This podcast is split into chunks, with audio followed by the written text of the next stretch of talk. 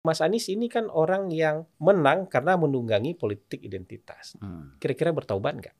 Dari ucapan-ucapan dia di Australia, ucapan dia di Surabaya, Surabaya. kayaknya nggak bertaubat, bang. Bahkan Hmm. PSI yang mendukung Ganjar aja sekarang sudah membuka peluang mau dukung Prabowo juga saya dengarkan gitu.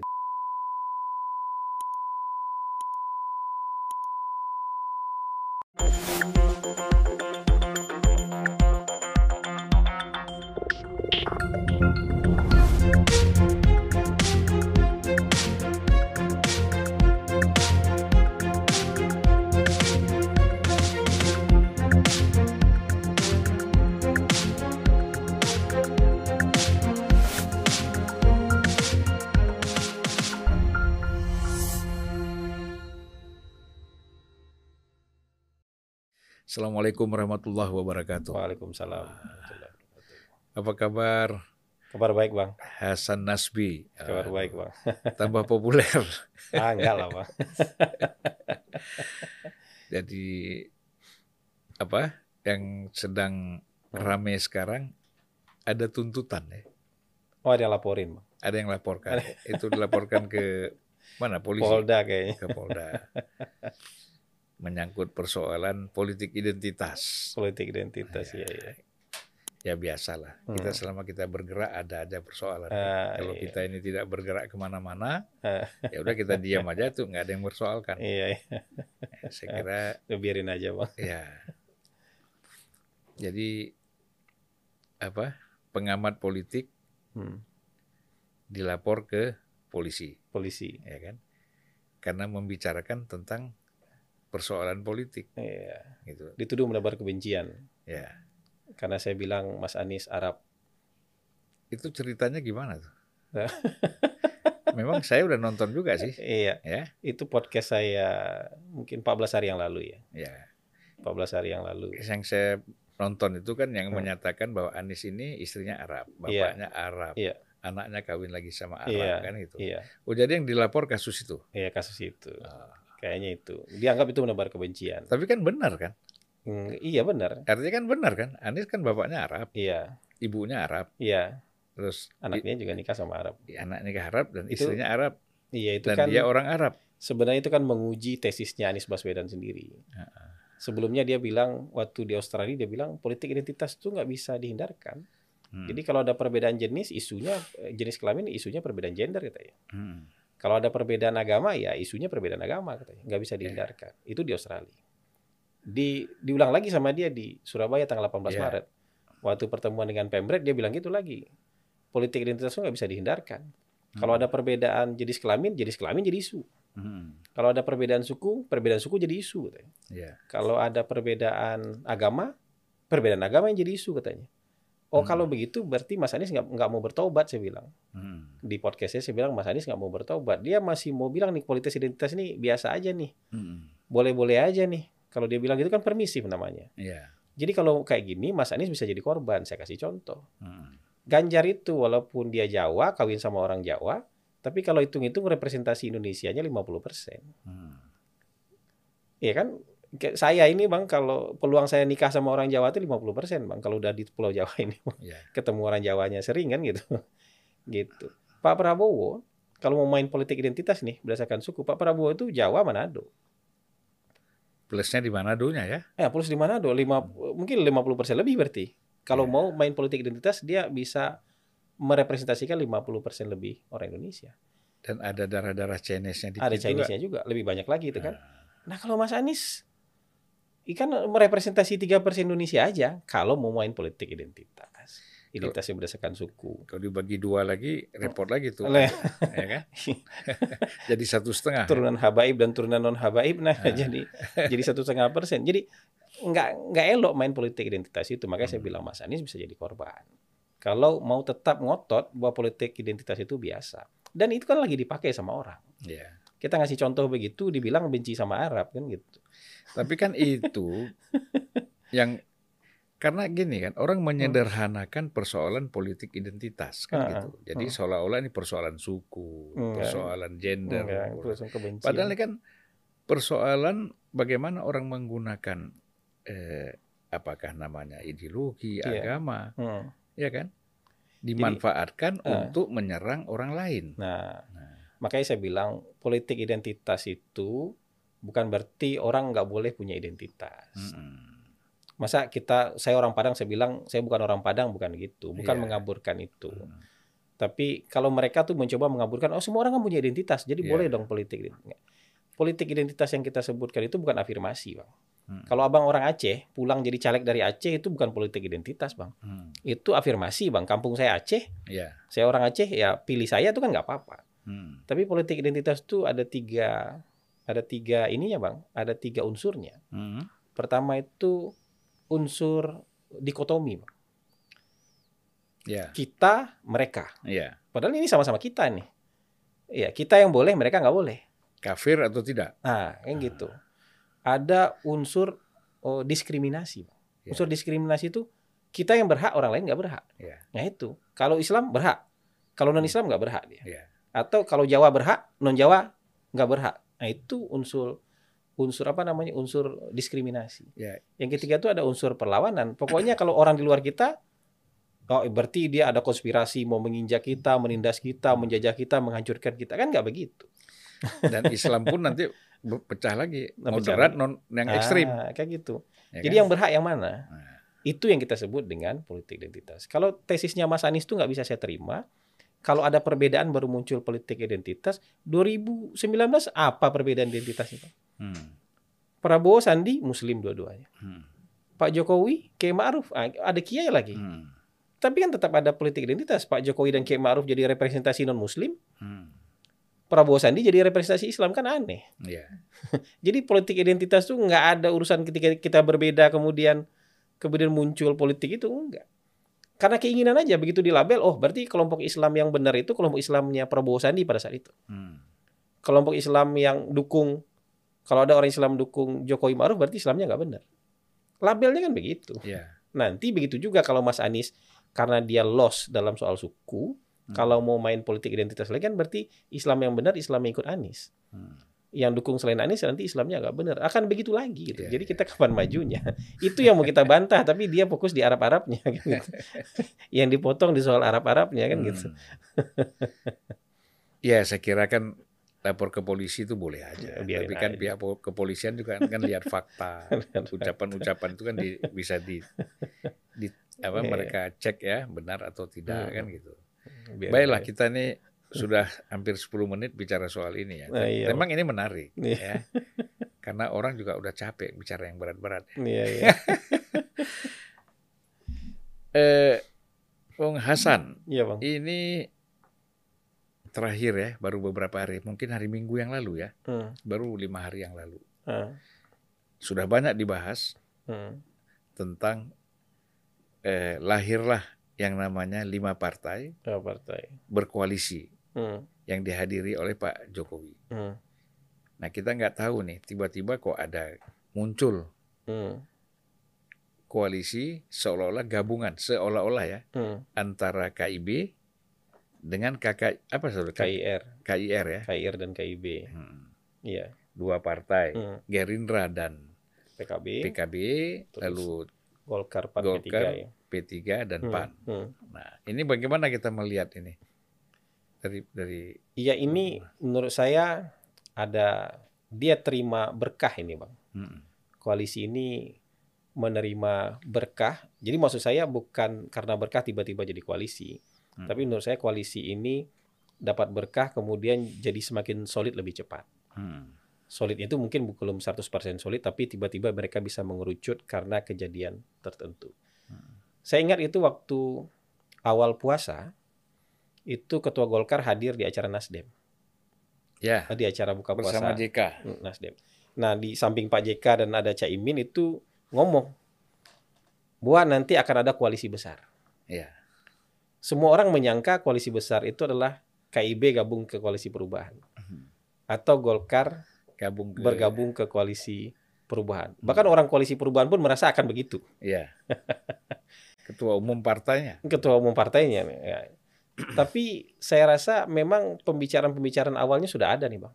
Hmm. Antara Golkar dengan Gerindra, KIB, KIR ini pembicaraan awalnya memang sudah lumayan jauh. Hmm. Cuman waktu itu mungkin progresnya nggak cepat.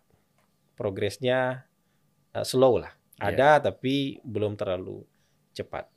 Tapi karena ada perubahan konstelasi kemarin, hmm. tiba-tiba Pak Jokowi kena kena pukulan lah, hmm. terpukul lah, terpukul dengan gagalnya uh, event nasional, event internasional di Indonesia itu. Piala Dunia, Piala Dunia usia 20. Uh, eh, under 20. Hmm. Ya, U U20. Hmm.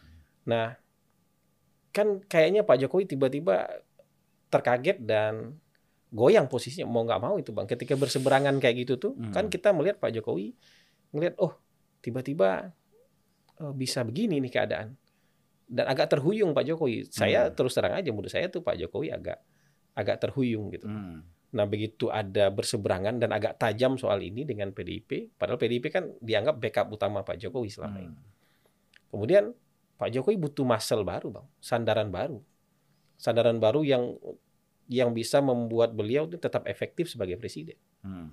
Dan sandaran baru harus dibuat kompak, harus dibuat harus dibuat solid. Yeah. Nah, jadi pembicaraan yang tadinya slow itu bisa dipercepat jadinya hmm. dengan cara begini. Bagaimanapun orang-orang ini kan lima partai ini saya rasa dari sisi karakter dan tradisi nggak akan berseberangan frontal dengan Pak Jokowi. Hmm. Kan sebagian besar partai ini karakternya partai establishment Hmm. Maunya memerintah bukan partai oposisi beda dengan PDIP yang ada DNA DNA oposisinya. Yeah. Jadi kalau pas beda ya udah kita beda aja gitu. Nah, jadi kalau partai ini kan enggak. Jadi ketika status quo ya. Iya, partai establishment lah, bukan hmm. partai oposisi. Yeah. Jadi begitu berkumpul begitu, dapat semacam stempel atau legitimasi dari Pak Jokowi, hmm. jadi semakin cepat nih larinya. Ya. Walaupun belum tentu 100% bisa hmm. seperti itu, hmm. tapi menurut saya mungkin dari lima partai ini empat lumayan solid lah. Tapi, empat lumayan solid lah untuk itu. Eh, ya, tapi kan dari PKB terkesan hmm. eh, mereka berdua saja dengan Gerindra hmm. itu nggak selesai-selesai iya. bicara yeah. capres cawapres. Uh. Konon pula katanya kita gabung berlima, ini makin yeah. makin jauh ini. Kalau gabung berlima kan terancam memang PKB, bang. Uh. Jadi kalau gabung berlima itu yang bergabung kan KIR bergabung sama KIB. Hmm. Kan dua entitas itu bergabung. Kalau bergabung gitu, kalau capresnya dari KIR kan berarti cawapresnya dari KIB, Bang. Ya. Kan idealnya begitu. Kalau orang dua koalisi bergabung kan hmm. mereka gabungkan dengan cara kayak gitu. Hmm. Kalau begitu kan Caimin jadi langsung nggak relevan jadi cawapres, Bang kan gitu. Ya. Makanya agak-agak agak-agak protes dikit lah. Tapi, Tapi menurut saya kalau gak, protes gak, gitu kan nggak jadi cawapres tapi lompat ingin menjadi capres kan? Iya tapi coba kan ini kan bukan pilihan yang nggak terbatas partai-partai ini. Hmm. Kalau udah bergabung di sini empat, hmm. Caimin yang keluar mau gabung sama siapa bang? Kan nggak mungkin gabung sama angin. Sama PDIP lah paling. Nah kalau sama PDIP nggak mungkin jadi capres. Yeah. Dan kebayang nggak sama kita PDIP mempertimbangkan Caimin jadi cawapres kan nggak juga. Hmm. jadi jadi kalau tahun lalu berpikir idealis itu seperti itu dengan harapan maksimal gitu, buat saya masih oke. Okay. Tapi kalau hari ini semua hmm. sudah harus tarik turun semua ke bumi nih, realistis nih. Yeah. Kalau tahun lalu kita masih di langit tuh oke okay, bang. Tapi kalau udah bulan-bulan April begini kita sudah harus menginjakkan kaki di bumi nih. Boleh dibilang lima bulan lagi ya. Iya. Proses. sudah sudah harus menginjakkan kaki di bumi. Jadi hmm. peluang itu berbagai kemungkinan-kemungkinan yang kita ukir di langit itu sudah harus mulai ada yang kita coret bang. Hmm dan mana yang paling mungkin. Jadi kalaupun misalnya masih bilang ah, enggak, saya mau tetap jadi cawapres, ya kan harus keluar. Yeah. Kalau keluar ketemu siapa? Ketemu siapanya mungkin nggak? Kalau mungkin jalankan, kalau nggak mungkin ya lebih baik stay di sini udah ada koalisi. Hmm. Kan kayak gitu. Kan ada lima masuk partai ke, bergabung. Masuk ke koalisi perubahan jadi anak bawang juga. Iya kan. Sudah udah ada yang duluan tiga di sana kan yeah. gitu. jadi nggak gampang, Bang. Hmm. Jadi ada keinginan itu yang berpijak di bumi, ada keinginan itu masih keinginan dari langit yang ditarik, hmm. yang dipakai gitu. Menurut saya kali ini ya harus berbesar hati. Itu politik bisa bisa diselesaikan dengan komunikasi kan supaya berbesar hati kan gitu. Berarti kan di sini kan capresnya Prabowo ya pasti ya. Menurut saya capresnya Prabowo. Ah, wakilnya siapa yang paling pantas itu kalau KIB itu? Kita nggak tahu bang. Hmm. Kita nggak tahu. Kalau dua partai besar yang bergabung ya berarti kan Prabowo dengan eh, apa Golkar dengan Gerindra, yeah. Gerindra dengan Golkar. Tapi apakah itu keputusannya walau walau. Walaupun berita-beritanya sudah mulai yeah. sudah mulai naik, Prabowo Erlangga, Prabowo Erlangga kan sudah mulai naik. Tapi statement resmi mereka sebagai bakal calon koalisi kan belum ada ke sana. Hmm. Jadi kira-kira kayak Anies aja lah sekarang. Anies tiga partainya udah sepakat Anies jadi calon presiden, cawapresnya belum ada. Belum ada kan gitu. Gitu. Dan nampaknya, ini, nampaknya cenderung makin gak ada.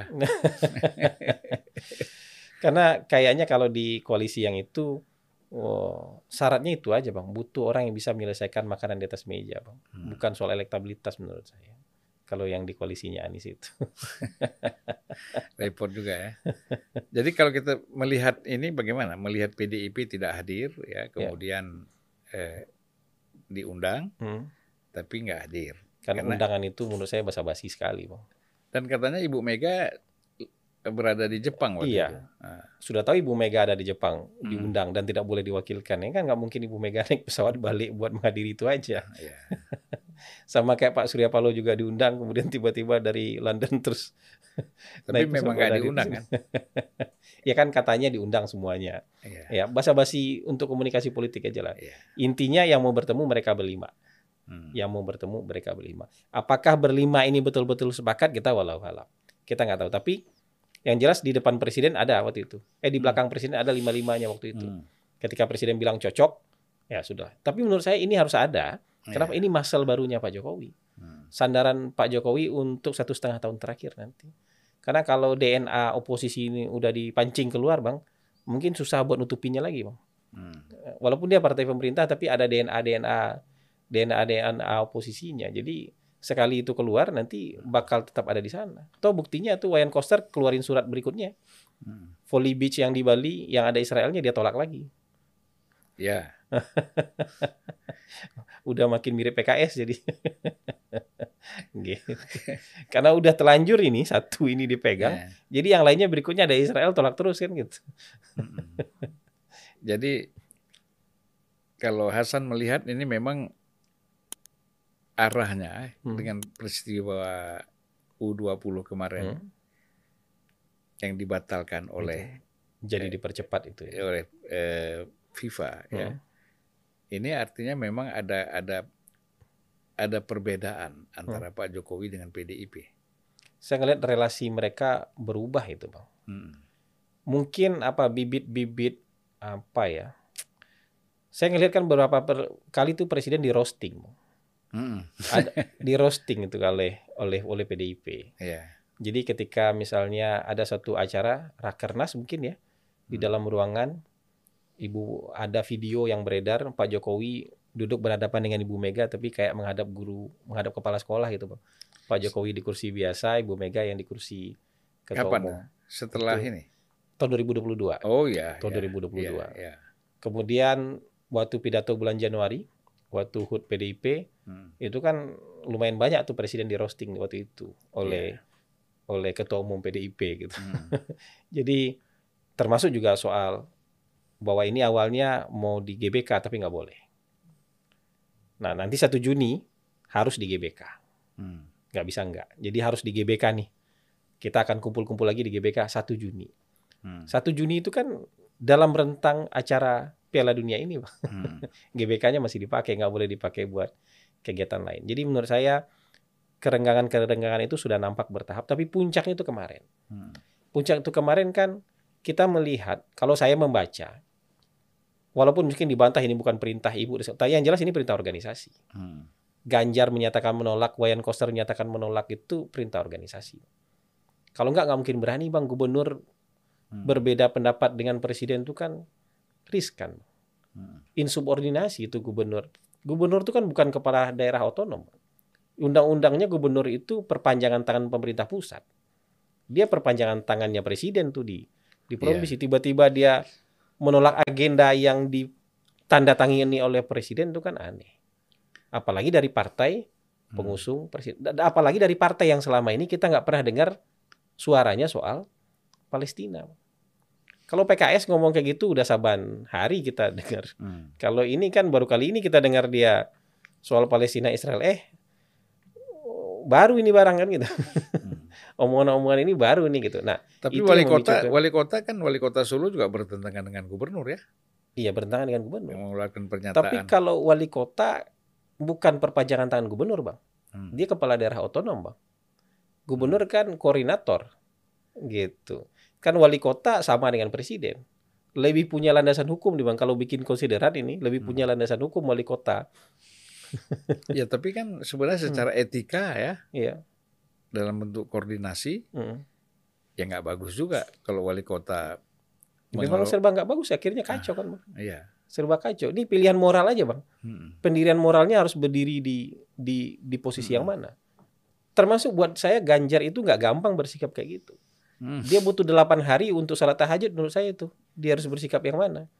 Yeah. Karena Wayne Koster itu sama Ganjar itu selisih delapan hari. Nggak langsung menyambut. Ganjarnya. Dia butuh delapan hari buat istikharah. dia harus di persimpangan jalan ini harus pilih yang mana setelah 8 hari istiqoroh ya, dia pilih saya bersama partai. Kenapa? Hari ini saya butuh tiket kan. Hmm. Kalau bersama Pak Jokowi saya dapat dukungan elektoral tapi nggak punya tiket. Kalau bersama partai, saya ada peluang dapat tiket. Hmm. Kalau dukungan elektoral saya merosot, nanti saya cari lagi. Gitu. Ya jadi sikap Ganjar itu boleh dibilang sebagai sikap loyalitas kepada partai ya. Loyalitas kepada partai. Hmm. Gitu. Dari sudut pandang Ganjar, itu itu yang paling mungkin dia lakukan. Karena kalau saya jadi Ganjar, Bang, mungkin saya lakukan itu juga, Bang. Karena saya butuh Sebenarnya tiket. kan itu logik ya. Hmm. Artinya seorang kader partai hmm. itu menjalankan eh, perintah partai. Ya. Itu logik aja sebenarnya. Logik, tapi Karena, kan dia punya dua posisi, Bang. Hmm. Satu posisi lagi dia subordinatnya presiden. Presiden perintahnya lanjutkan. Hmm. Teruskan acara ini. Hmm. Ini kan itu masanya saya bilang itu di persimpangan jalan. Dia mau milih bersama partai atau bersama presiden itu aja. Tapi presiden juga kader partai yang sama kan dengan Ganjar kan? Iya, gitu kader partai. Jadi, Cuman kan posisi berdirinya berbeda, Bang. ini jadi rumit gitu ya. Jadi menjadi posisi rumit. berdirinya berbeda.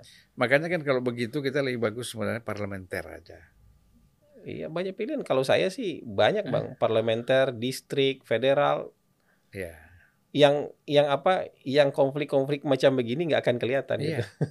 Dia masing-masing jalan sendiri kan. Iya, yang saya menang di provinsi ini, saya menentukan. Saya wakil dari sini. Nah, kecuali dalam hal tertentu apakah soal pertahanan, keuangan hmm, itu iya. dibicarakan kan. Kalau untuk urusan ini saya bisa tolak. Ya, teknis-teknis ini kan biasa. Saya bisa tolak. Ya. Gitu. Jadi kita ini memang ambigu ya. Iya. Bahkan di otonomi pun sebenarnya kan ada porsi-porsi begitu, Bang. Tapi porsi ini adalah porsi ur urusan luar negeri, Bang. Hmm jadi daerah sebenarnya nggak boleh nolak, Pak. Porsi hubungan luar negeri ini yang bisa bilang iya dan enggak hanya pemerintah pusat. Hmm. Kabupaten kota, provinsi kan nggak bisa bilang iya atau enggak. Dia harus ikut na ikut nasional. Hmm. Gitu.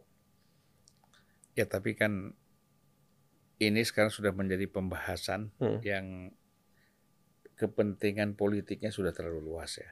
Dan memang bercampur politik. Ya, jadi kalau kita lihat misalnya eh, beberapa tokoh mengatakan bahwa sebenarnya pembatalan pipa itu bukan persoalan Israel, hmm. tapi memang masalah kanjuruhan hmm. yang memang tidak selesai-selesai di pengadilan, hmm. malah yang dihukum tuh angin, hmm. nah, kan? Hmm. Karena waktu nyemprot ke sana dibawa angin ke sini, hmm. Hmm. gitu kan itu. Nah ini kan bagi FIFA ini kan eh, kenapa Indonesia tidak bisa menyelesaikan kasus ini? Hmm. Kemudian ada pihak yang bersalah, hmm. nah, dia kan khawatir, ada kekhawatiran bahwa nanti kalau terjadi kerusuhan, bagaimana kita cara menyelesaikannya? Oh. Tapi kalau saya sih baca statement resmi aja, Pak. Hmm. Kalau statement resminya karena situasi terkini. Hmm. Kanjuruhan bukan situasi terkini. Hmm. Kanjuruhan itu situasi yang sudah lewat. Ya. Dan di bawah pun dia tulis bahwa dia FIFA akan terus mendampingi PSSI untuk melakukan transformasi sepak bola di Indonesia. Hmm. Termasuk juga mendampingi PSSI menyelesaikan tragedi Kanjuruhan. Hmm. Jadi itu masa yang sudah lewat itu.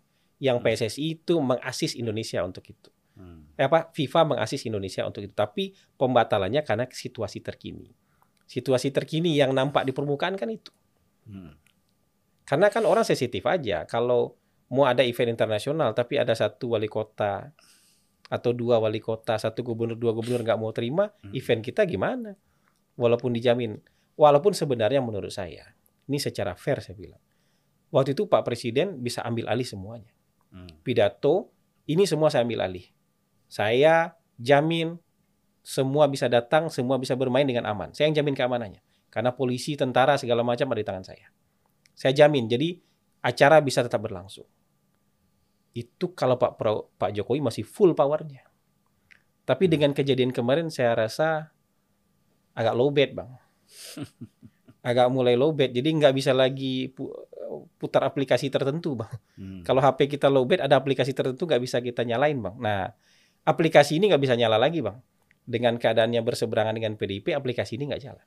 Ya, ya. Kalau cuma PKS yang protes, P3 yang protes, atau HTI yang protes, tapi PDI firm dukung siaran ini apa kejuaraan ini berlangsung, hmm. Pak Jokowi akan bilang saya ambil alih kendali karena polisi, tentara dan segala macam, eksekutif, event organizer apa segala macam itu saya yang jamin akan menjamin keamanan bisa kayak gitu baterai masih full tapi karena berseberangannya dengan PDIP baterai agak low bed ada aplikasi aplikasi-aplikasi yang memang nggak bisa nyala lagi. Iya, makanya saya melihat ya solusinya ini tidak dilakukan secara full power ya. Hmm. Artinya begini, eh, sebagai sebuah negara, hmm. Kita kan bisa mengatakan kepada FIFA hmm. dengan lobby-lobby yang luar biasa misalnya, hmm. eh, kita hormati, hargai. Hmm upaya-upaya Erick Thohir misalnya untuk ke FIFA. Tapi kan ini persoalan nggak bisa dia sendiri. Hmm. Ini harus Menlu turun, ya hmm. kan? Kemudian melobi menteri-menteri luar negeri negara lain untuk hmm. bicara, gitu loh. Ini kan udah masuk ranah politik, hmm. ya kan? Kemudian presiden bisa menelpon beberapa kepala negara juga hmm. untuk bagaimana menyelesaikan ini, gitu loh. Kalau memang kita sungguh-sungguh ingin menjadi tuan rumah, gitu loh. Kalau menurut saya kalau kita sungguh-sungguh ingin menolak Israel itu yang dilakukan. Lah iya. Tapi, Tapi kan, menurut saya kan berarti pemerintah dalam hal ini sebenarnya nggak mau nolak Israel. Hmm. Mereka mau kasih masuk aja karena menganggap mungkin ini bukan urusan diplomatik kok. Hmm. Kan maksud saya ini kan jadi beratnya, jadi beratnya ketika ada penolakan hari ini dari partai utama pendukung pemerintah. Kalau enggak menurut saya nggak ada masalah benar nggak ada masalah itu. Kalau FIFA itu, menurut saya kan ini organisasi internasional. Hmm. Dia punya aturan main sendiri. Saya nggak gitu ngerti FIFA. Tapi kalau kita ngelobi bisa aja kita ngelobi. Tapi kan keputusan tetap tangan dia. Hmm. Itu kan sama kayak gini. Ketika Rusia dicoret jadi peserta Piala Dunia, hmm. yang nyoretnya FIFA, bang. Hmm. Atas rekomendasi uh, Federasi Sepak Bola Uni Eropa itu UEFA. Ya kan, gitu. tapi, alasan... tapi bukan tuan rumah yang coret. Ya, tapi alasannya kan sama sebenarnya. Sama, cuma artinya penolakan terhadap Rusia hmm. itu juga dilakukan oleh negara-negara Uni Eropa. Iya. Sementara kan Piala Dunia itu berlangsung di Qatar. Iya. Kan gitu. Nah, alasannya kan persoalan penyerangan. Hmm. Sama saja, Israel itu juga sebenarnya Sebenarnya sama. kalau mempertanyakan prinsip moral kan bisa, Bang. Tapi kan menurut saya konteksnya nggak mempertanyakan prinsip moral, hmm. tapi kemenangan soal diplomasi. Hmm. Kalau ini kan kita tuan rumah yang nolak. Hmm. Kalau kita membayangkan nih apa yang apple to apple, waktu itu membayangkan Qatar nolak Rusia. Kalau Qatar nolak Rusia, ya, tapi FIFA-nya tetap harus tetap harus bilang enggak Rusia nggak kita coret kok. Qatar hmm. harus terima. Kan kayak gitu. Hmm. Atau Qatarnya dicabut dari tuan rumah. Sama kayak kita sekarang. Kita nolak Israel. Hmm tapi FIFA-nya nggak mau coret, ya kan? Hmm. Atau nggak mau kasih solusi lain? Kan solusinya kita yang mau terima atau kita dicoret. Hmm. Masalahnya bang, kalau kita dicoret, kita lolos kualifikasi, kita masih tetap bisa tanding Piala Dunia di negara lain. Misalnya dipindahin ke Argentina, misal, hmm. tim kita masih tetap bisa main di sana. Yang jadi kontroversi itu kan itu. Masalahnya ini tim kita hanya bisa main jadi peserta Piala Dunia kalau kita jadi jadi jadi tuan rumah karena tidak melewati kompetisi karena nggak melewati kompetisi kan gitu ya, hebohnya di sana bang serba sulit ini memang kalau kalau hanya dicoret jadi tuan rumah hmm. tapi kita lolos kualifikasi kita masih bisa tanding negara orang jadi memang kalkulasinya hmm. ketika misalnya ini tapi buat saya nggak semua orang kan punya kalkulasi panjang. Hmm. Gitu. Ini kalau dalam teori teori chaos, ini teori chaos, Bang. Sesuatu yang se terlihat sederhana, tapi efeknya bisa ke mana-mana. Dalam teori hmm. chaos itu kan kepak sayap di Korea Utara, kepak sayap kupu-kupu di di Korea Utara bisa bikin badai di Arizona. Hmm. Nah ini kayak gitu juga, penolakan satu dua gubernur bisa badai bikin badai politik se se Indonesia kan gitu. ya tapi bagus juga lah sekali-sekali memang ada perbedaan supaya tidak terjadi keseragaman itu ya. Apalagi kalau iya. lahirnya dari satu partai. Hmm. Nah kita kembali lagi ya. Hmm. Eh, dengan terbentuknya bukan terbentuk ya tapi ini kan baru pada tingkat akselerasi akselerasi lima lima partai kemarin iya. ini itu dampaknya apa kira-kira buat koalisi perubahan? Iya, kalau buat saya sebenarnya kalau dampak buat koalisi perubahan belum hmm. bisa dipetakan itu bang. Hmm. Dampak buat koalisi perubahan. Tapi kan koalisi perubahan tanpa ini pun punya masalah yang hmm. sudah cukup pelik gitu Sudah paling awal semuanya, tapi yeah. nggak kunjung bisa definitif lah, nggak ya, kunjung bisa. kan presidennya definitif. sudah sudah dideklarasikan. Sudah dari sudah sudah komplit nah, semua. Tetapi nih. kan cawapresnya masih masih jangan-jangan masih menunggu cawapres yang sekarang mungkin juga mau jadi cawapres di koalisi ini, di koalisi hmm. yang besar ini. Ya, ya. ya ini gimana nih? Jadi menurut saya gini, koalisi yang kelihatan misalnya eh, apa kalau yang berbentuk koalisi itu pasti lebih rumit hmm. karena kan menggabungkan lebih dari satu partai. Yeah. Kalau PDIP kan nggak rumit hidupnya. Dia mau pasangin PDIP PDIP juga nggak ada soal, nggak ada hmm. yang ribut. Kalau koalisi ini pasti banyak hal yang harus diselesaikan termasuk urusan adatnya harus di hmm. adat istiadatnya harus diselesaikan. Koalisi perubahan masalahnya yang menyelesaikan urusan adat istiadatnya nggak ada, bang. Hmm. Orang urusan adat istiadat. Jadi mau ada koalisi besar atau enggak itu dia masalahnya itu itu yang terbesar masalahnya. Yang menyelesaikan siapa menyelesaikan urusan adat istiadat ini kan gitu. Hmm. gitu. Ya kan terkesan juga eh apa? Iramanya sudah agak berbeda ya. Ya. Nah. Bunyi gendangnya nggak terdengar, Bang. Nah. Karena mungkin kepala suku lagi nggak di Indonesia, Bang. Ya. Iya, jadi kepala suku ini kan yang biasanya mengendalikan irama gendang. Hmm. Nah, jadi kepala sukunya lagi nggak di Indonesia. jadi irama gendangnya. Itu maksudnya siapa kepala suku itu? kepala sukunya kan abang tahu yang hari keberapa puasa langsung terbang ke luar negeri. ya. Ya gitu. Karena. Jadi apa ya? Ya musafir. Ya musafir. Gitu. Sebenarnya musafir itu juga bagus. Hmm, ya. gitu. Orang menjadi melaksanakan musafir. perjalanan. Iya banyak keringanan-keringanan. Keringanan-keringanan, kemudian dan itu memang hukum agama juga musafir iya, itu kan. Dan boleh diambil gitu. Iya. Boleh diambil keringanan-keringanan itu boleh diambil. Asal punya risiko, hmm. nanti harus diganti. Iya. Ya.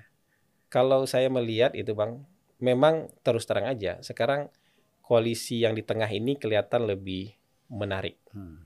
Kelihatan lebih menarik dan mungkin juga ini kan hipotesis bahkan banyak konsultan-konsultan politik yang juga sudah mulai selangkah dua langkah itu merapat ke Prabowo aja kita sekarang hmm. ambil ancang-ancang nih yeah. awalnya kan nggak punya konsultan politik nih Pak Prabowo yeah, iya. semuanya kumpul di Ganjar nih hmm.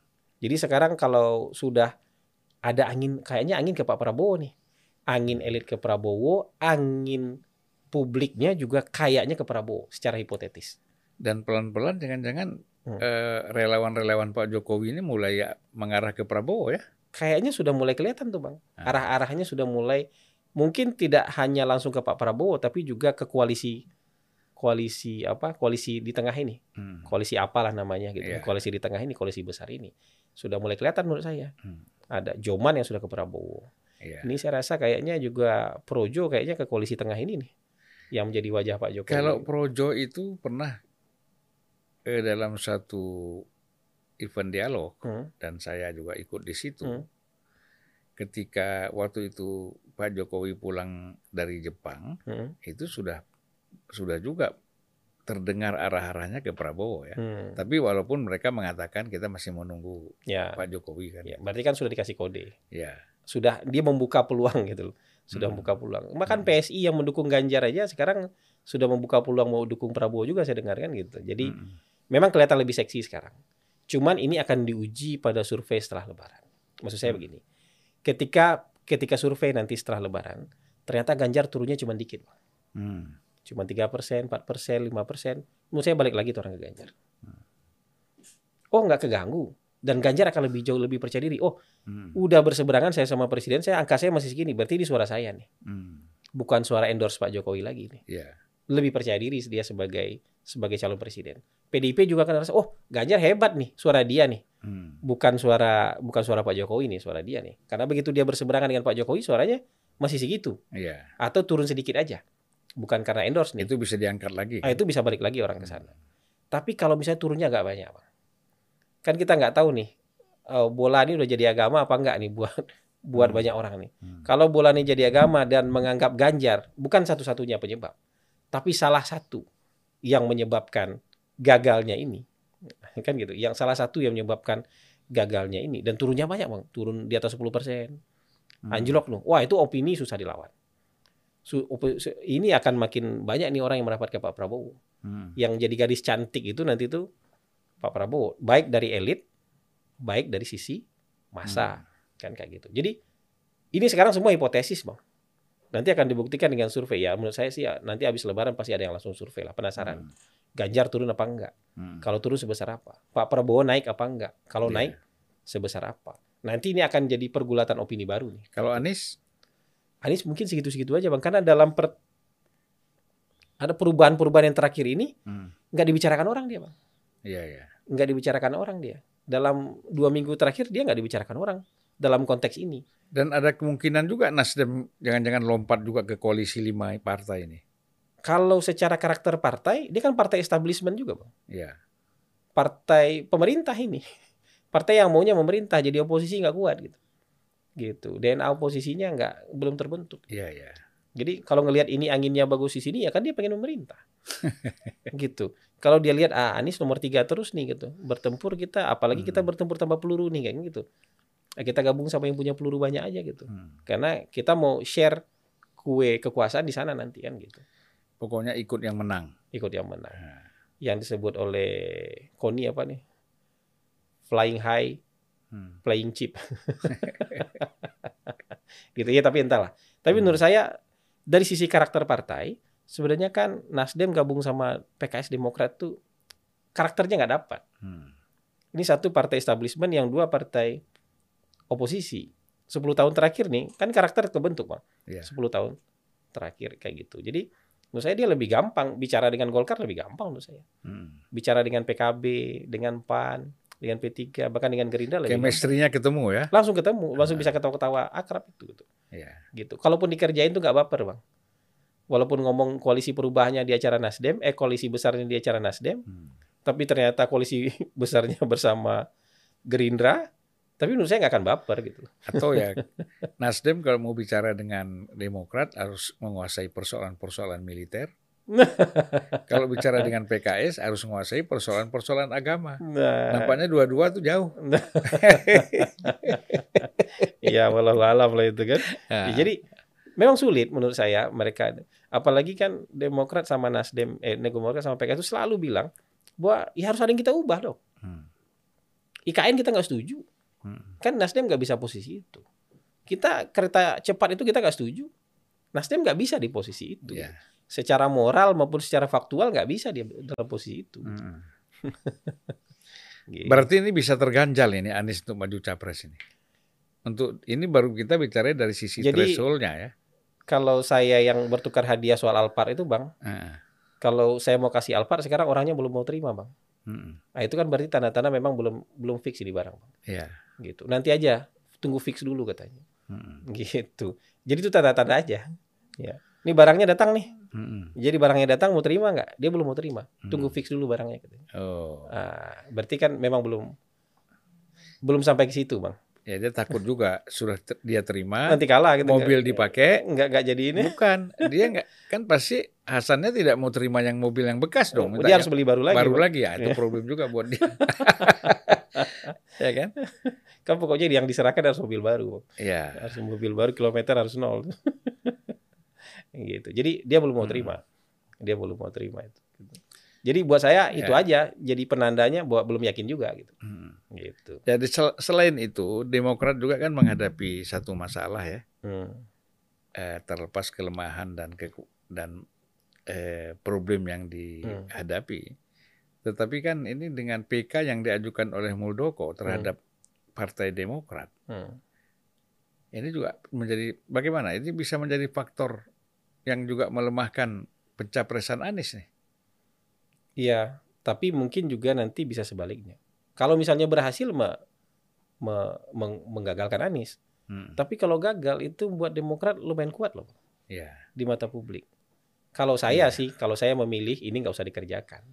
Hmm. Kalau saya jadi presiden ini saya jewer nih. Kepala staf saya melakukan hal yang ini. Ya. Karena pertama itu secara secara hukum itu rumah orang. Hmm. Secara sosiologis seluruh orang mengakui di Indonesia ini bahwa itu rumah itu. Orang hmm. itu yang punya rumah itu. Hmm. Terus tiba-tiba datang mafia tanah, Bang. Iya. Dengan runutan apa silsilah apa segala macam cerita yang dibikin, saya juga punya sertifikat ini. Hmm. Ayo kita bertarung di pengadilan kan gitu. Kalau mafia tanah datang ambil rumah orang kan nggak ada yang tahu biasanya. Hmm. Kalau ini ditonton oleh seluruh republik, bang. Iya. Dan menurut saya kan itu masalahnya. Secara hukum orang itu yang punya rumah ini. Secara sosiologis semua orang mengakui bahwa memang orang itu yang punya rumah. Iya. Nah kita secara, kita pertontonkan secara itu politik pun yang dapat dukungan dia. Iya secara politik pun yang dapat dukungan dia. Ya. Nah kita mau bertarung di sini di sisi hukum. Nah, ini kan jadi presiden jelek. Ya sama yang kayak ya. Bang bilang itu. Hmm. Yang kalau begitu saya nggak usah capek-capek bikin partai. Hmm. Ya nanti saya punya kekuasaan atau saya punya apa saya kumpulin aja orang. Saya gugat aja itu partai ke pengadilan. Hmm. saya main di sana. Ya. Kalau saya menang berarti kan partai pindah ke tangan saya gitu. Ya. Jadi nggak sehat kan? Kalau saya jadi presiden sih saya jewer aja. Saya suruh berhenti. Ya suruh berhenti lah. Saya suruh berhenti. Kan bikin gitu. memalukan. Gitu. Iya gitu. Ya. Kalau berhasil itu mungkin jadi cemoohan publik. Kalau gagal lebih dicemooh lagi. Iya. Gitu. Kalau Pak Muldoko itu mau, hmm. katakanlah memang dia ingin menggembosi Demokrat. Hmm. Sebenarnya kan bisa bergabung dengan IKN. PKN. Eh, PKN. PKN Yanas. Eh, PKN, kemudian lobby di sana, hmm. ya kan?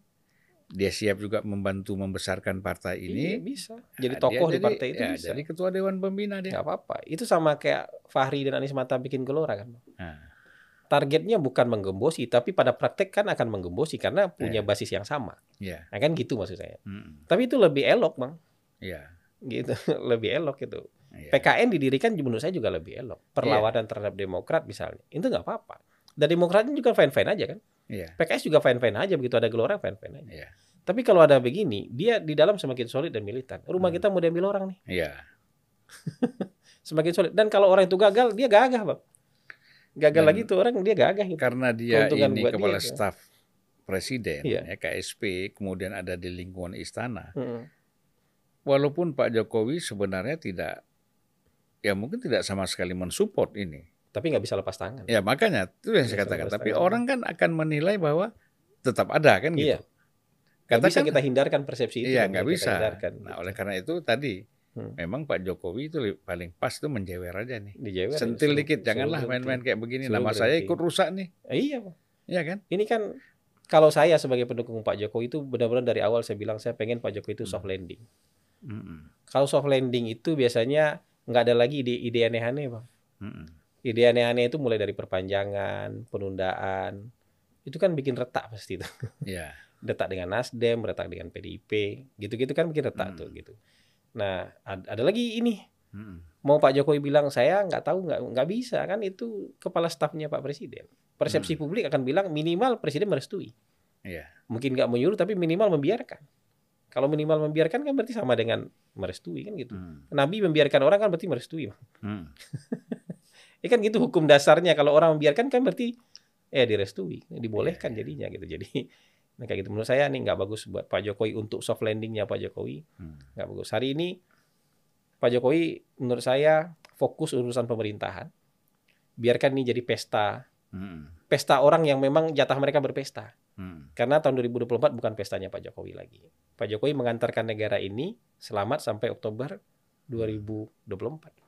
Gitu menurut saya. Karena kalau masih masuk ke dalam nih atau masih terlihat ada gerakan yang aneh-aneh nih, hmm. ini makin lama makin kontraproduktif. Yeah. Low bednya makin makin parah nanti. Kalau low bed makin parah, makin banyak aplikasi yang nggak bisa nyala, bang. Hmm. Dalam kekuasaan kan kayak gitu. Jadi update-update mau di-update pun susah. Nggak bisa di-update bang, kalau lagi low bed bang gitu.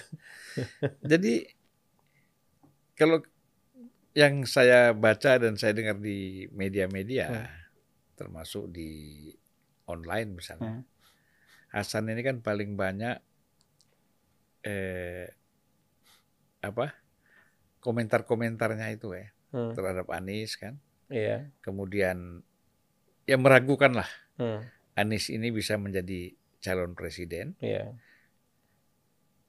Dan bahkan di situ memang ada semangat untuk ya nggak setuju aja sama Anies gitu. Iya. Nah kira-kira ini alasan pokoknya apa ya? Jadi gini bang, ini saya kalau saya bikin analisis itu bukan berdasarkan kebencian. Iya. Nggak ada urusan suka nggak suka. Mm -mm. Bahkan kalau saya bilang kalau sampai Anies jadi tersangka, dalam konteks ini misalnya Formula E, hmm. mungkin saya akan jadi pembela Anies. Hmm. Karena buat saya nggak begitu cara kompetisi politik. Hmm. Kalau Formula E kan sudah jadi kontroversi dari dari ide itu jadi kontroversi. Hmm. Semua mata melototin itu. Terus sekarang dia begitu dia jadi calon presiden mau diobok-obok dengan kasus hukum Formula E misalnya. Buat hmm. saya ini politis sekali. Hmm. Jadi saya pasti akan bela. Hmm. Pasti itu saya akan bela dia kalau dia diobok-obok soal Formula E. Nah, kan ini bukan kasus baru baru terjadi hari ini. Sejak ide yeah. aja udah jadi kontroversi, sudah hmm. dipelototin orang gitu loh, yeah. sudah diributin orang. Nah, gitu. Tapi kalau dalam soal maju pilpres 2024, hmm. kan kita ngelihat soal kapasitas, kemampuan dan bahaya. Hmm. ya, kapasitas, kemampuan, iya, abang juga tahu lah, hmm. abang juga kenal lah. Maksudnya track recordnya ini kan eh, bukan track record yang panjang yang seperti kita lihat untuk layak untuk menjadi calon jalur calon presiden. Hmm. Misalnya awalnya rektor Paramadina. Hmm. Dan kita juga nggak ngelihat ada sesuatu yang istimewa di sana. Yeah. Ketika jadi menteri pendidikan, kita juga nggak melihat sesuatu yang istimewa hmm. di sana. Ketika jadi gubernur, pasti banyak yang bisa dia kerjakan, tapi nggak istimewa, bang. Hmm. Malah ada beberapa yang kalau dalam kapasitas kita harusnya gubernur nggak bikin kayak gitu. Hmm. Misalnya jalan-jalan di bolong-bolongin buat bikin sumur resapan kan nggak ada negara dunia bikin sumur resapan tengah jalan, hmm. kan kayak gitu. Yang ada tuh di daerah Bukan di, daerah, di tengah jalan, di komplek perumahan. Eh itu juga sama di tengah jalan ada di komplek perumahan. Itu iya, sumur yeah, resapan. Yeah. Itu kan berarti nggak nggak soal ke public policy level kota aja, level kota kan kalau hmm. Jakarta ini itu belum putus. Itu sebenarnya kerjaan-kerjaan sumur resapan itu kan kerjaan gotong gotong royong orang di desa itu. Eh bisa begitu. Kemarin kita ada banjir. Tapi itu kan? di ruang terbuka hijau biasanya dibikinin orang, bang. Hmm. Bukan di jalan, bukan di daerah konblok, di ruang terbuka hijau hmm. supaya air memang bisa masuk. Iya. Bukan, bukan ini. Nah, kalau saya bikin di halaman rumah saya yang memang halaman rumah tanah itu nggak apa-apa. Hmm. Jadi curah hujan dari atap saya jatuhnya ke sumur resapan itu nggak apa-apa. Hmm. Kalau mau di tengah jalan gimana? Hmm. nah itu menurut saya tuh itu cara berpikir itu. Ketika misalnya ketika kampanye dia bilang kita tolak reklamasi. Hmm. Itu buat saya kan nggak berpikir bahwa reklamasi itu proyek strategis nasional. Hmm. Bagian dari proyek strategis nasional. Hmm. Proyek Garuda itu kan proyek strategis nasional pakai kepres. Hmm. Gubernur nggak bisa menolak itu.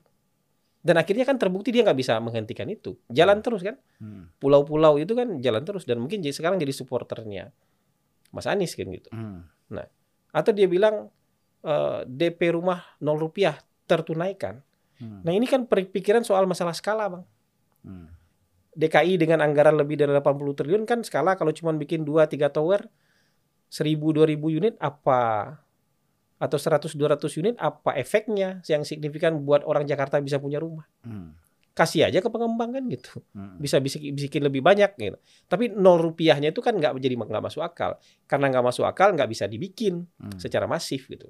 Bukan cuma sekedar dibikin kalau DP nol rupiah hanya sekedar dibikin kemudian bilang itu bisa ditunaikan saya juga bisa bikin dua tiga rumah bang nggak usah nol rupiah saya gratisin aja sama orang Apakah itu saya sudah bisa jadi itu gubernur DP ya? DP-nya nol rupiah.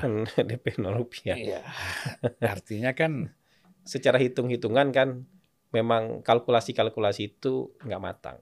Tapi secara jadi kalau pemimpin karismatik nih bang, dia bisa jadi pemimpin karismatik nih. hmm. kata-katanya, pidatonya, hmm. ya kan, pilihan diksinya, metafor-metafor dan imajinasi yang dia sampaikan ke kita bisa. Hmm. bisa. Tapi kan yang kita butuhkan presiden sekarang nanti itu bukan pemimpin karismatik.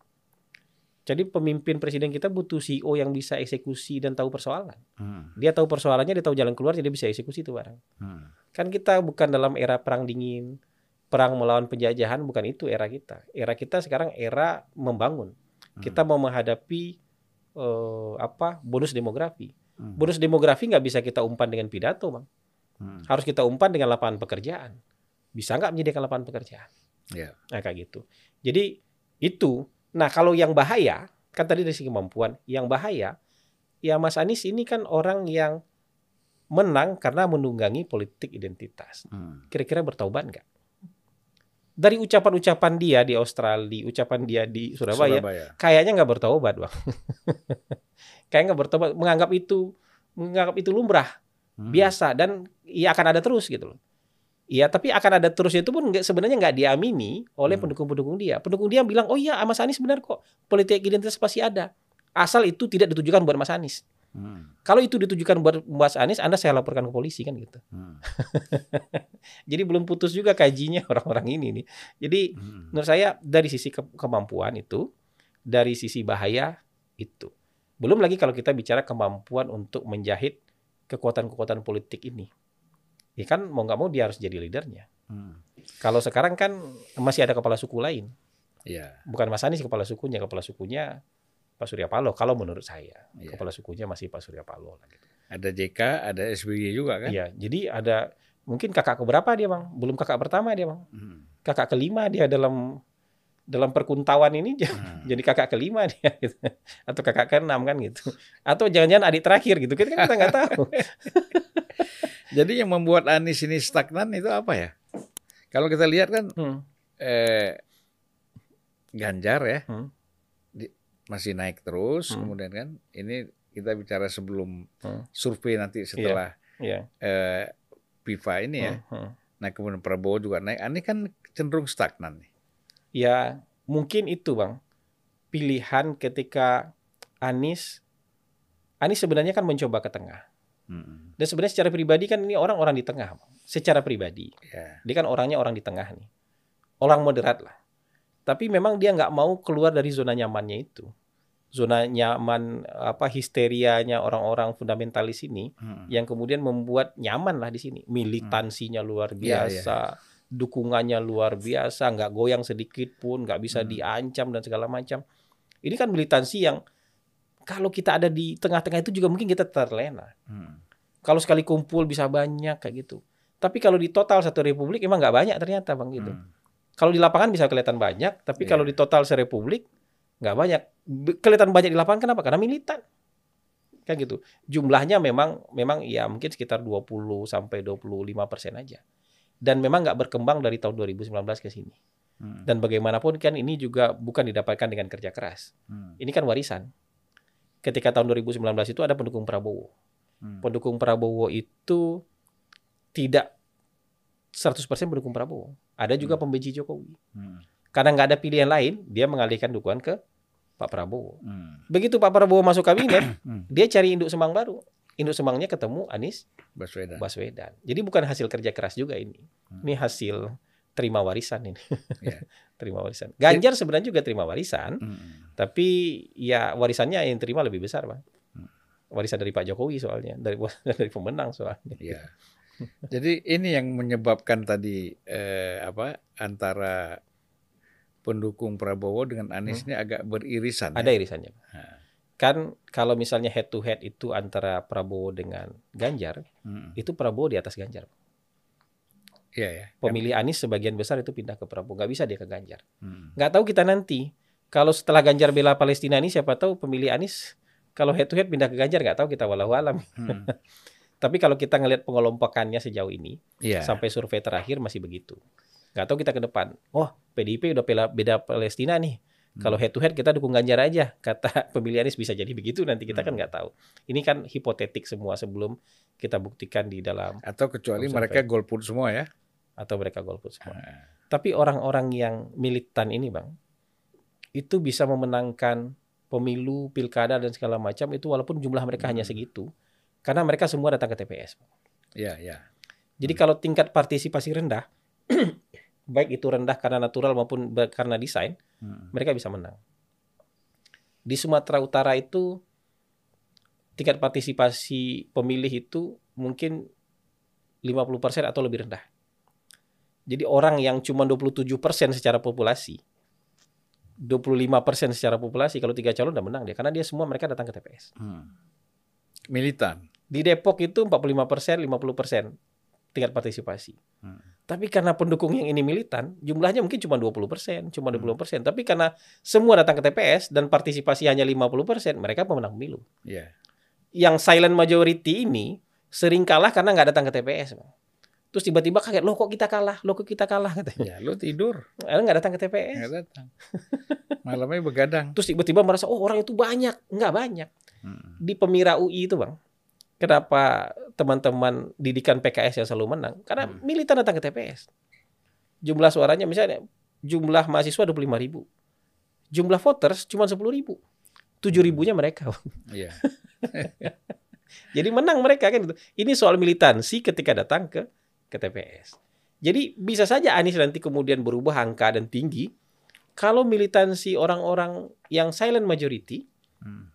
itu emang rendah. Ah sudahlah kita nggak ikut ya cuman saya satu suara doang nggak ikut katanya. Karena malamnya malam Valentine kan. Hmm. Tidur mereka kan. Malam Valentine ini yang kena bukan orang-orang militan bang. Yeah. Yang kena yang silent-silent majority yang asik-asik ini malas besok datang ke, ke TPS karena malam Valentine sebelumnya. Apalagi ada bola. Nah, kalau ada bola lebih aneh. Nggak datang ke TPS mereka. MU gitu. lawan Madrid misalnya. Bisa, ya bisa udah, gitu. itu pada tidur semua kan. Nah, sementara yang ini kalau secara survei cuma 20 persen. Tapi kalau nanti voter turnout cuma 60 persen, oh dia bisa naik angkanya. Dan forum-forum untuk meningkat untuk menaikkan militansinya itu juga ada kan? Ada. Apakah tahajud bersama? ibadah bersama ibadah bersama ya kan ya ada lah tiap hari ada aja itu kan? ada ada aja itu dan sementara gampang. yang ini nggak punya nih nggak punya forum eventnya event yang insidentil iya nah, gitu. jadi emang forum rutinnya nggak ada nggak ada ya. gitu. ya jadi jadi kekalahan itu tidak hanya berdasarkan hasil survei hmm. di survei bisa menang tapi kalau nggak datang ke TPS ya nggak menang ya ya kan banyak itu TPS TPS dari 200 yang datang cuma 100 iya, orang gitu. ya kan itu PR berikutnya itu membuat hmm. orang untuk datang ke, ke yeah. TPS. Dan ancamannya adalah itu hari Valentine. Malam sebelumnya orang begadang sampai pagi. Itu memang ada dalam pemilu kita ini enggak ya? Pemilu kita kan malam Valentine, Bang. Masa sih? Malam Valentine, Bang. 14 Hah? Februari, Bang. Oh, malam Valentine, Bang. Jadi saya... itu harus diingatkan jauh-jauh, jadi nggak usah ada malam Valentine dulu. eh susah itu ya. itu susah. Orang nanti kayak bola lagi. Iya, gitu. Kalau dilarang nanti jadi problem, ya kan? Pecah lagi ini. Gitu. Jadi, Antara Pak Jokowi dengan PDIP misal komen larang-larang repot lagi nih kita. Walaupun gitu. walaupun sini belum pecah ya, baru iya. sedikit Jadi kan sebenarnya itu kan gara-gara ada parno-parno juga, Bang. Kalau dimajui dimunduri seminggu jadi 21 Februari, Bang. Hmm. 21 Februari itu kalau di ini 212 Bang, itu jadi parno pemerintah, Bang. Hmm. Jadi dimajuilah seminggu seminggu. Wah, Valentine angka cantik, tapi konsekuensinya nggak dipikirkan. Lebih baik hmm. di angka 212 menurut saya hmm. daripada di angka 14 142 gitu. Itu sama-sama militan tuh. Ya kalau pakai kita pendekatan 212 yang 1212 militan, hmm. yang ini 212 ingin menggagalkan 212-nya kan? Nah, itu sebenarnya bagus ya. Kalau pakai angka 212 ini. Iya gitu. Jadi bagus di angka 212 menurut saya tapi karena pemerintah agak parno disuruh maju di seminggu. Ya. Kita kan kasih lonceng dari awal. Kasih lonceng dari Alarmnya awal. dari awal kan ya, kita kasih gitu. ya. Biar siap-siap nggak Valentine dulu tahun 2024. Ya, kan nggak enak juga kalau Anies menang itu karena orang ngantuk, tidur kan agak seru ya. Kalau voters turn out cuma 50 persen gitu. Ya. tapi itu bisa kejadian bang. Itu kan kita 2024 itu mungkin dengan hmm. uh, populasi anak muda. Hmm. ya yang orang generasi yang masih ngerayain ngerayain Valentine ini hmm. mungkin hampir 50 persen. Hmm. Iya, kan itu di mana-mana ya, hmm. di mana-mana. Dan ya itu... kalau kita kan memang mau bonus demografi bang. Uh -uh. Jadi angka usia produktif itu besar sekali. Hmm. Jadi nanti kan akan mencapai di atas 50 persen. Nah 2024 ini mungkin angka yang masih merayakan Valentine itu besar sekali jumlahnya. itu pengaruhnya ya terhadap hmm. uh, suara voters turnout, hmm. tingkat partisipasi. Jadi kalau kita lihat bagaimana Hasan melihat langkah apa ya politik PDIP ini ya, PDI Perjuangan ini. Yeah. Set, eh, setelah kemarin misalnya eh, apa penundaan eh pengga, eh pencabutan hmm. Indonesia sebagai tuan rumah. Feeling saya mereka juga nggak mau mengambil risiko bentrok terlalu lama dengan presiden. Hmm. Karena itu nanti hubungannya dengan kehilangan elektoral. Yeah. Bagaimanapun Pak Presiden ini masih dukungan publiknya masih sangat tinggi dan kalau bentrok dengan Pak Jokowi, mungkin Pak Jokowinya memang secara politik nggak terlalu kuat lagi, tapi hmm. elektoralnya kuat. Jadi bentrok dengan Pak Jokowi kalau terbuka lagi itu mungkin membuat PDIP akan kehilangan pendukung. Hmm. Menurut saya mereka akan mengalihkan bentroknya, Yeah. Mereka akan mengalihkan bentroknya ke PSSI. Hmm. Jadi yang di, nanti akan dituding sebagai biang penyebab hmm. biang kerok segala macam itu PSSI. Berarti, Jadi lebih aman bentrok dengan PSSI dengan Pak Erick Thohir, hmm, Erick Thohir ya. dan dengan Zainuddin Amali dibandingkan bentrok dengan bentrok Padahal kan Erick Thohir selama ini hubungannya dengan Bu Mega bagus sekali ya. Bagus sekali. Jadi kan ini soal pilihan-pilihan lawan aja hmm. nih, Bang. soal pilihan. Jadi narasi hmm. ke depan menurut saya memang narasinya uh, jangan terlalu terbuka bentrok dengan presiden, bilang presiden itu senafas dengan PDIP. Hmm. Bagaimanapun kan kader PDIP. Tapi karena PDIP ini di dikuyo-kuyo lah oleh opini, hmm. ini penyebabnya nih. Hmm. penyebabnya ini nih gitu. Jadi bentrok Dan di beberapa medsos itu sudah keluar ya. Kader-kader PDIP mulai membojokkan Erik ya. Iya. Gitu. Menyebut nama, langsung nama Erik Thohir. Padahal sebelumnya yang digadang-gadang itu adalah Ganjar Erik. Iya. Gitu. Jadi bisa jalan juga mereka terpaksa gara-gara ini. Hmm. Gitu. Itu namanya kepak sayap kupu-kupu di Korea Utara bisa bikin badai di Arizona itu itu, Bang. Ya. ya tapi kemungkinan besar untuk bisa berjalan sama lagi bisa. Ini kan Indonesia ini kan yeah. sebenarnya tidak ada dendam ya. Kebencian-kebencian itu sementara aja ya. Semua sementara. Sementara. Semua sementara. Kemudian lebih cepat lagi akan bisa selesai hmm. ya kan merekat lagi. Nah, jadi bisa saja tetap aja sebenarnya hmm. yang akan jadi misalnya PDIP bisa meng, bisa juga mengusung tetap Ganjar hmm. dan Erik kan, karena kan semuanya kan bergantung kepada ibu. Ya. Nah, kalau ibu memutuskan itu ya kader-kadernya juga. Ya bisa aja. Eh, Walaupun kan semuanya ikut. Kalau itu kan kita menamakan itu faktor prerogatif. Hmm. Kalau kita ngelihatnya sebagai publik ada ada masalah. Ya. Tapi kalau udah prerogatif ibu ya masalah tadi kan bisa kita lupakan kan gitu. Yang namanya prerogatif kan gitu. Hmm. Gitu. Ya bisa aja seperti itu. Kalau kecenderungan PDIP gabung ke lima partai ini gimana? Kalau PDIP itu kalau mau gabung sama orang tuh pakai syarat di depan, Bang. Oh. Kalau yang lain tuh bisa tanpa syarat kalau mau bicara, Bang, di atas meja. Saya ketemu Abang tuh bisa kita tinggalkan semua syarat-syarat kita di rumah. Hmm. Jadi kita bicara hal yang baru tanpa syarat, walaupun yeah. nanti kita bawa kepentingan kita masing-masing. Hmm. Tapi kalau PDIP itu sebelum gabung udah buat kayak syarat kan bang? Hmm. Ya kita bisa gabung, tapi capresnya dari kita. Iya. Yeah. kira-kira ketemu gak tuh bang? nah itu menurut saya uh, bedanya di sana seni diplomasinya kurang fleksibel PDIP. Hmm. Karena belum ketemu aja, belum gabung aja udah pakai syarat. Ya, kayak gitu. Jadi kalau kayak gitu kan mungkin dia mungkin bisa ngomong kayak gitu dengan partai-partai yang lebih kecil. Hmm. Tapi kalau dengan Gerindra tentu nggak bisa dengan Golkar. Dengan Golkar masih mungkin sama, tapi kalau dia sudah terikat dengan Gerindra tentu nggak bisa lagi. Hmm. Tapi kalau ngomong sama PKB, ngomong sama PAN, PAN, P3. ngomong P3 itu bisa. Tapi sekarang yang saya pikir PAN itu kalau gabung sama PDIP dia kehilangan konstituen. Hmm. Karena konstituen PAN itu kalau nggak milih Prabowo milih Anies. Iya. P3 sebenarnya juga begitu. Konstituen P3 itu kalau nggak milih hmm. Prabowo milih milih Anies. Kalau dia ke Ganjar yeah. ya dia kehilangan konstituen itu aja. Pilihannya yang mana? Hmm. Pilihan pilihan elit kah atau mau memikirkan konstituen sekarang hmm. ketika merumuskan koalisi ini. Jadi kalau menurut saya Pak Prabowo itu ya 99% lah jadi capres. Karena ini ya. kesempatan terakhir dia. Ya, tinggal bicara wakilnya siapa ya? Tinggal bicara wakilnya siapa. Wakil masih debatable. Saya yakin tuh masih debatable. Hmm. Walaupun di berita-berita sekarang Caiminnya sudah mulai redup. Ya. Yang naik wakilnya dari Golkar, Pak Erlangga. Hmm. Saya gitu. Tapi kan belum sekuat dukungan terhadap uh, apa terhadap Prabowo kan lebih bulat. Iya. Udah udah nggak berdebat lagi. Pokoknya presiden Prabowo. Ketika calon wakil pasti masih berdebat, walaupun sudah ada nama baru yang mencuat selain Caimin kan gitu. gitu. Tapi ada beberapa hasil survei mengatakan bahwa sampai saat ini hmm. itu posisi presiden itu belum mendongkrak suara presiden ya. Nggak ada cawapres yang dongkrak suara presiden nggak ada bang. Nggak ada ya? Nggak ada. Bisa dibilang hampir nggak ada. Misalnya hmm. AHY. AHY kalau diuji sendiri sebagai cawapres itu tinggi angkanya.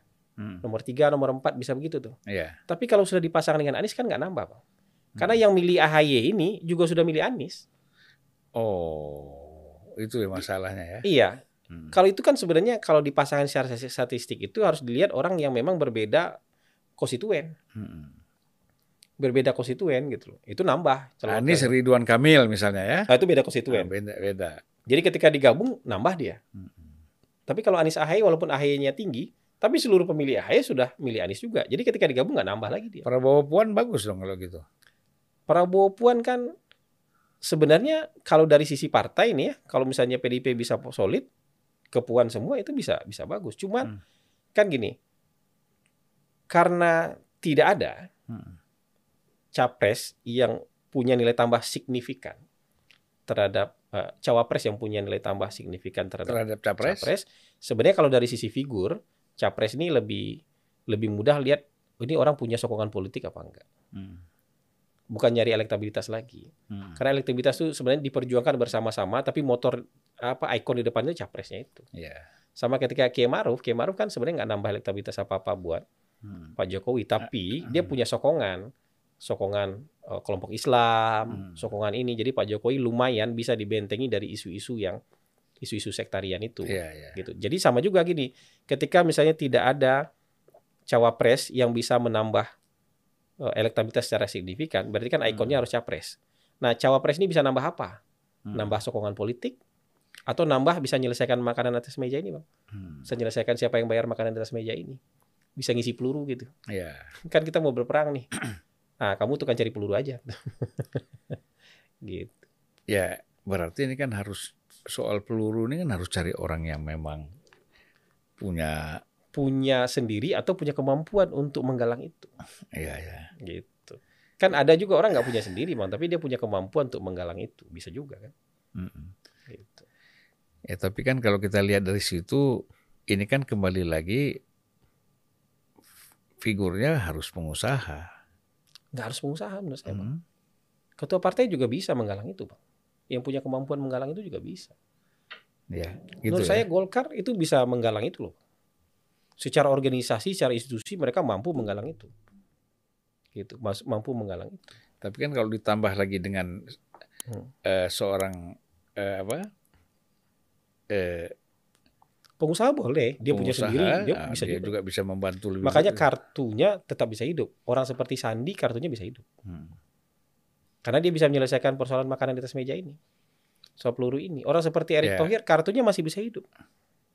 Walaupun gitu. juga nanti pada akhirnya sama juga ya. Hmm? Artinya eh, makanan itu juga bisa dibayar dibayar oleh orang lain gitu. Bisa kan kemampuan menggalang juga bisa. Ya. Gitu. Kan tergantung aja nih. apakah mau sendiri atau menggalang. Hmm. Dan dua-duanya sah. Menggalang juga sah kok. Hmm. Kan ada namanya fundraising. Yeah. Nah, itu kan sah dua-duanya sah gitu. gitu. Jadi nilai tambahnya menurut saya itu menyelesaikan itu menyelesaikan dukungan politik hmm. atau menyelesaikan peluru ini persoalan logistik ini. Kalau urusan elektabilitas kayaknya nanti disandarkan soal capres-capres saja gitu. Jadi kalau kita lihat secara keseluruhan ya, hmm eh, tadi kan kita sudah melihat kalau dari eh, sisi Pak Jokowi dan PDIP itu Pak Jokowi itu kan ada dua sebenarnya, hmm. yaitu Ganjar dan Prabowo. Ya. Dan ini bisa maju masing-masing hmm.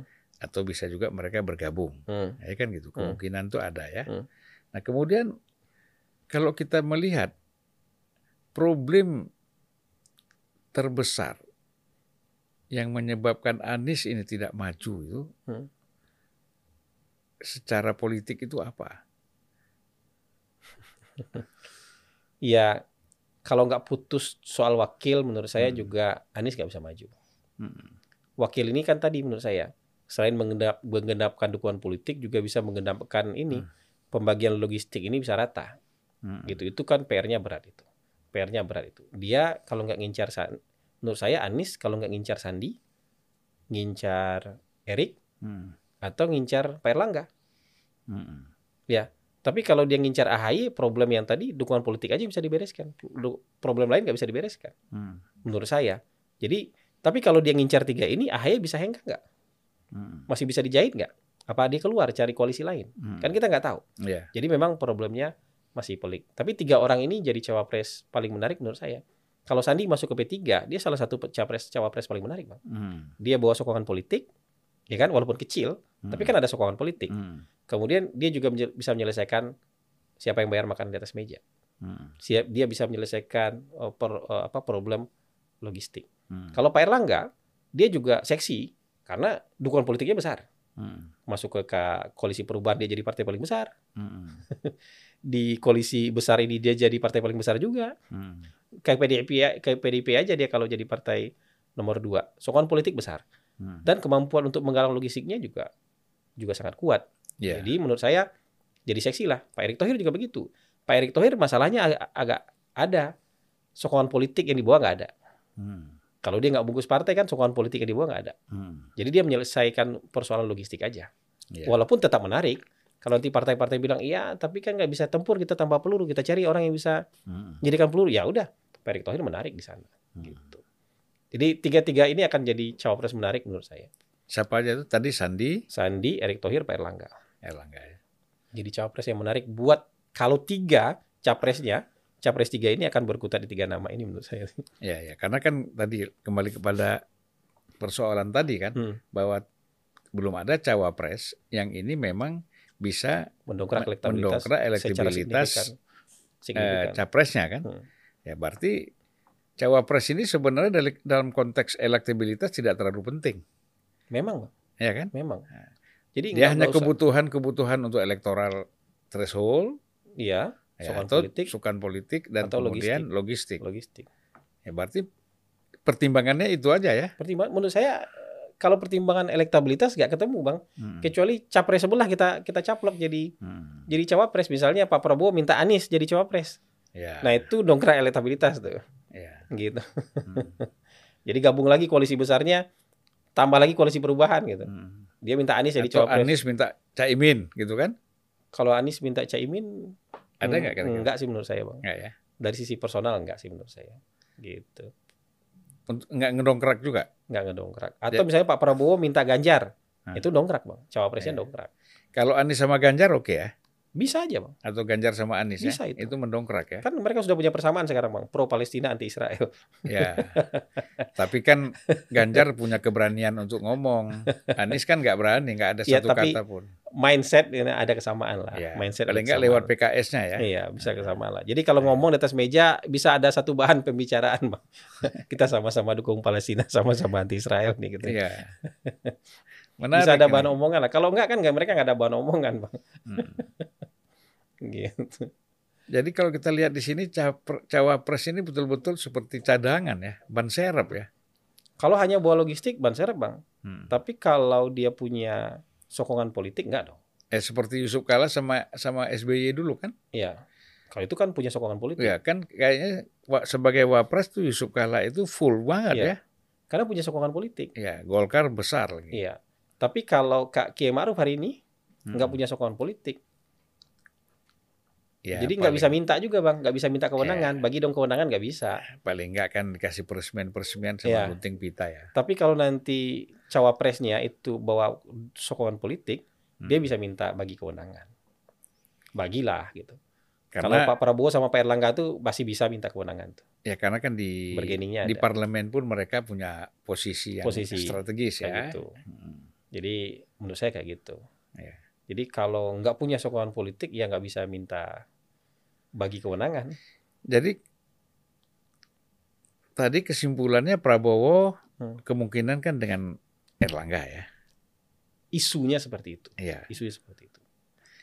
Kalau ngelihat dua partai terbesar ya atau ngelihat konstelasi ya. dua koalisi ya itu yang paling mungkin menurut saya. Hmm.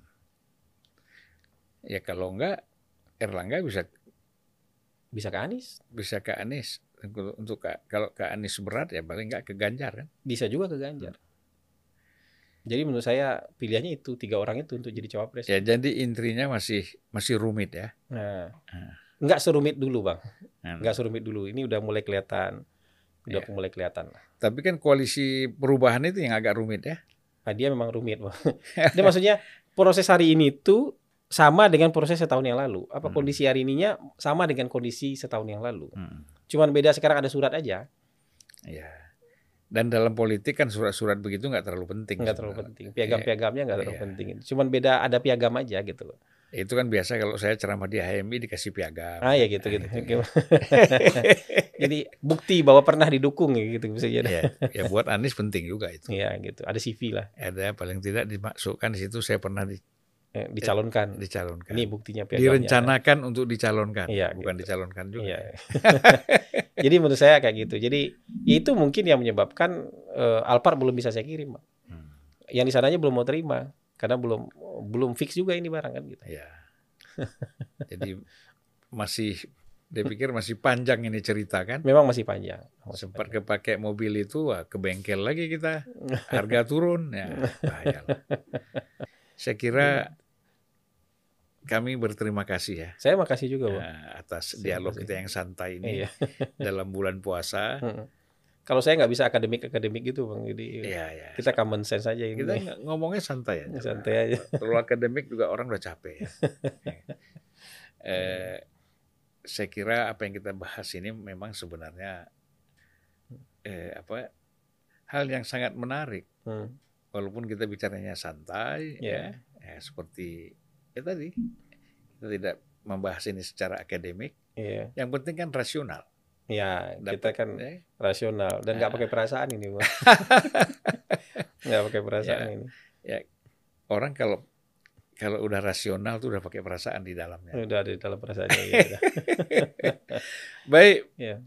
Bung Hasan Nasbi. Ya Bang. Insya Allah kita jumpa lagi pada lain kesempatan. Ya. Assalamualaikum warahmatullahi wabarakatuh. Waalaikumsalam warahmatullahi wabarakatuh.